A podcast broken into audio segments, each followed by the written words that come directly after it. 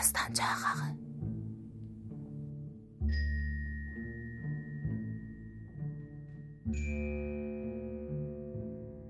Eynodövlə sahib divan bağında yerləşərək hər gün sülh heyətini göndərib boşboğazlıq edirdi. O bununla vaxt qazanıb Şatıranlı və Tehran ordusunun tamamilə Təbriz ətrafında toplanmasını gözləyirdi. Bu məsələni Sərdara dəfələrlə dedik. Eynodövlə hazırlığını bitirməmiş ona hücum etməyi və darmadağın etməyi lazım gördük. Səttarxan buna razı oldu. Baqırxan da bu fikri təsdiq etdi. Məsələ şurada müzakirə edildikdə bəziləri buna razılıq vermədilər. Təbriz müdafiə halındadır. Hücum edib müsəlmanları qırdırmaq caiz deyildir, dedilər.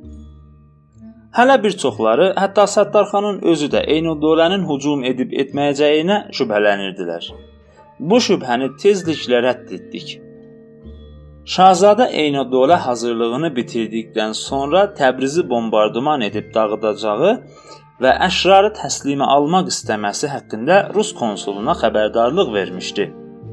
Bu xəbərdarlığın bir üzü Peterburqa, bir üzü Tehrandakı Rus səfirinə göndərilmiş, üçüncü surətini isə Nina konsulxanadan bizə gətirmişdi. Eynədolə xəbərdarlıqda belə deyirdi: Bu müraciətnamədən bir gün sonra Eynodölə işə başladı. Böyük topları çəkmək üçün yerlər hazırlanması, hücum yerlərinin təyin olunması xəbərini Nina gətirdi. Əmirəqız məhəlləsinin axırında böyük toplar yerləşdirilmişdi. Bu toplar Səttarxanın mərkəzini havaya sovurmaq üçün qoyulurdu. Hacı Mirbağır Sərrafın bağının dalında Hacı Kazım Naibin hamamının qarşısında da böyük və yeni toplar yerləşdirilmişdi. Hökumət qüvvələri inqilabı boğmaq üçün ciddi hazırlıq apardığı zaman inqilabçılar buna heç də diqqət vermədən şəxsi işlər, şəxsi ədavətlərlə məşğul olurdular. Tam belə bir zamanda əncümənin mərən nümayəndəsi Hacı Cəlil mücahidlər tərəfindən öldürüldü. Dastancağı. Axşama az qalmışdı. Şəhər sakit idi. Heç bir tərəfdən silah səsləri eşidilmirdi. Sərdar da xəstə idi. Onun Hacı Cəlil məsələsindən əsəbləri qarışmışdı. İnqilab sırasında gedənlərin şəxsi ədavət işlətdiklərindən razı deyildi. Bunun qarşısını ala bilmirdi. Çünki vaxtında buna diqqət edilməmişdi. Mən Ninanı da təbii halında görmədim. Onun ruhu çox düşkün idi. Yenə də baxışımdan fəna bir xəbər eşitdiyini oxumaq olurdu. O məni görən kimi kanapanın üstündə oturdu. Mənə də otur dedi. Oturdum. Məcid yaxşılaşmışdı. O da gəlib oturdu. Nina sözə başladı. Mən çoxdan bəri deməyə hazırladığım bir sözü bu gün deməyə məcburam. Mən əvvəlcə inqilabın içinə girməmişdim. Bütün daşıdığım vəzifələri sizə olan səmimi əlaqəm səbəbinə ifa edirdim.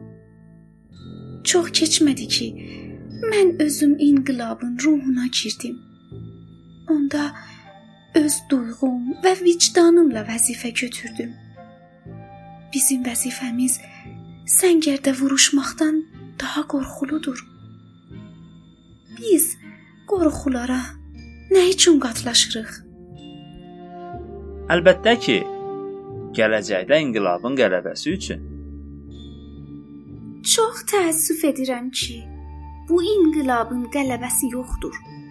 Çünki inqilab cərgəsində duranların %90-ı inqilabçı deyildir. Bu gün konsulxanada inqilabın başında duran və dəyərli simaları haqqında danışıb gülürdülər. Bir çox xırda mülkədarlar, alış-verişçilər, hətta böyük sərvətdarlar belə inqilabın kölgəsində dolanıb öz mənfəətlərini bununla müdafiə edirlər. Sizdən soruşuram. Axırısa Kəncəlilər kimdir? E, onlar bizim mülküdardır torpaq üstündə başlanan isyanın qəhrəmanı olan Haqverdinin qatilləridir.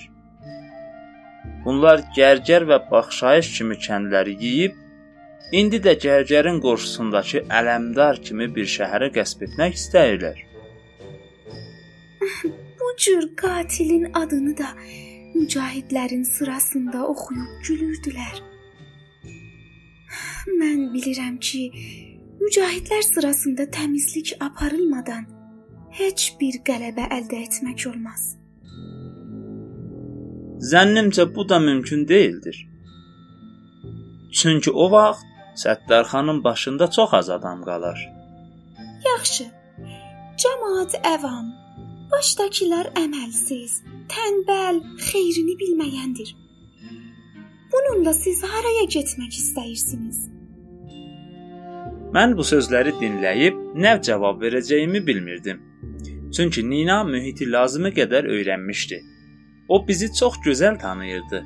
Ona daha başqa cavab vermək olmazdı. Nina dediyi sözlərin eynini bu gün çıxan Mücahid ruznaməsi də yazmışdı. Ruznaməni çıxardıb Ninaya tərcümə etməyə başladım. Nemi şəvəd.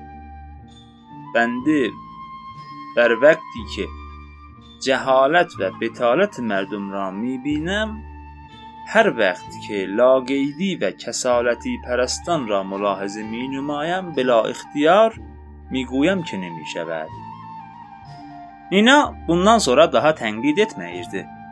Yorğunluğu gözlərinin altına düşən qara həlqədən bəlli olurdu. Doğrudan da Ninanın öhdəsinə götürdüyü vəzifə həddindən artıq ağır idi.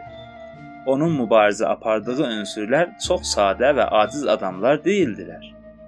Bu gənc qız babayı Fəthullah xan kimi casusluq və xəfiyyəçilik məktəbi keçirən Mirzə Əliyəkbər xan kimi məşhur bir diplomatla baş-başa vurur və onların əlindən gizlin sırları qapmağa çalışırdı. Nina bu günə qədər öz işində nə səhv etmiş, nə də tənbəllik göstərmişdi. Bütün sirləri ələ gətirmişdi. Çox danışılası söz vardı. Ninanın xəstəliyi uzun söhbətə müsaidə vermirdi. Buna görə də saat 1-də qalxıb getmək istədim. Nina məni qapıya qədər yola salaraq, "Bəlkə də mən sabah işə çıxmadım. Nahar yeməyinə evə gələrsiniz." deyib qayıtdı. 2 gündən bəri tütünçü oğlunu görməmişdim. Onu evindən soruşmaq üçün yolumu Əhrab məhəlləsindən saldım. Qapılarını döydüm, anası Nazlı xanım qapıya gəldi. Məni görüb oğlunu soruşdu. Mən onu 2 gündür görməmişəm. Dedikdə Nazlı xanım ağlayaraq Sallah Süleyman onu aldadıb aparıb. Qorxuram başına bir iş gəlsin. Oğlumu səndən istəyirəm. İndi onu kimdən xəbər almalıyam? Təbriz böyük. Gecə saat 2-nin yarısı. Burada kimi tapmaq olar? Qadına xatircəmlik verib qayıtdım. Mən Küçəbağ tərəfə getməyə başladım. Sərhəngzadəyə rast gəldim tütünçü oğlunu soruşdum. O Sallaq Süleymanla gördüyünü yaxın evlərin birində kef çəkdiklərini xəbər verdi. Sərhəngzadəni qaytarıb üz doğru kef məclisi qurulan yerə getdik. Qaranlıq bir dalandan keçdik. Sərhəngzadə dar və alçaq bir qapının çaxçağını vurdu. Yoğunbuq bir kişi qapıya gəldi. Sərhəngzadəni tanıdı.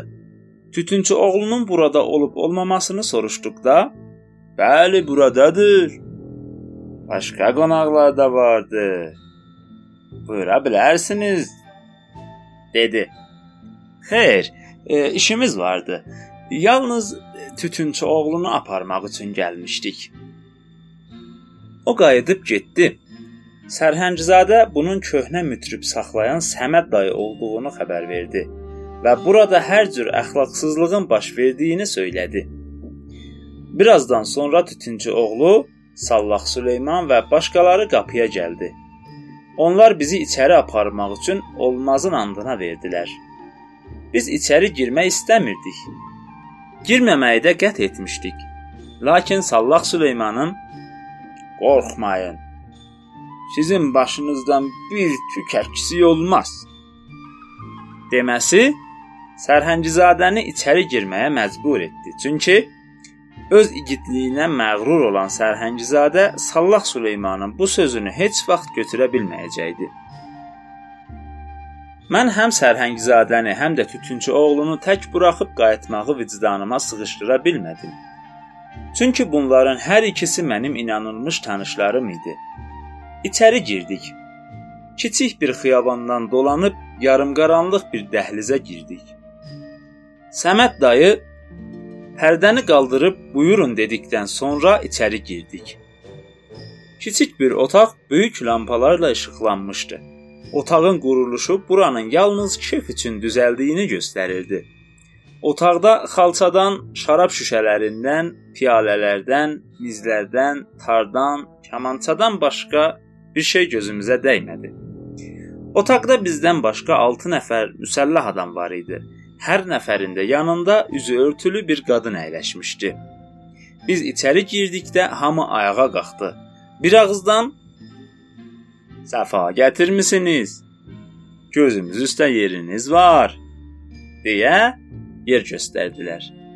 Mən hər ehtimala qarşı hazır olmaq üçün pəncərənin qabağında oturdum. Yanımda Rus nağanı, 2 dənə də kiçik əl bombası var idi. Bizə içki təklif etdilər. Biz də içkiyə meylimiz olmadığını söylədik. Bunlar içdilər. İçkiləri yalnız araqdan ibarət idi. Hər kəs piyaləni araqla doldurub yanındakı qadının aşnasına verirdi. Qadın isə üzündən ağ örtüyün ucunu qaldırıb piyaləni içir və geri qaytarırdı. Deyəsən yemək şeyləri yox idi. Hamı içdikdən sonra şorqabaq toxumu çıtlayırdılar. Bizə çay gətirdilər. Aralıqda qızarmış odlu dolu bir manqal da qoyulmuşdu. Qadınların birisi tiryək çəkirdi.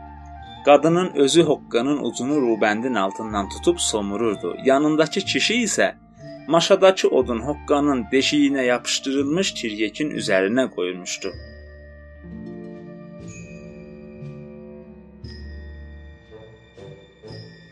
Kitabın adı Dumanlı Təbriz. Yazar Məhəmməd Səid Ordubadı. Hazırlayan Nurullah Purşərif. Bu bölümdə səsləndirdilər: Ravi Əhməd Qurbanı, Nina Saray Tahiri, Nazlı xanım Nəyyirə Ərdəlanı. Düzənləyən Səccad Müslimi. Bizim axağa qatılmaqla İşimizin ardını tutmaqda bizə dəstək olun. Axağımızın adresi Dastanca. D A S T A N C A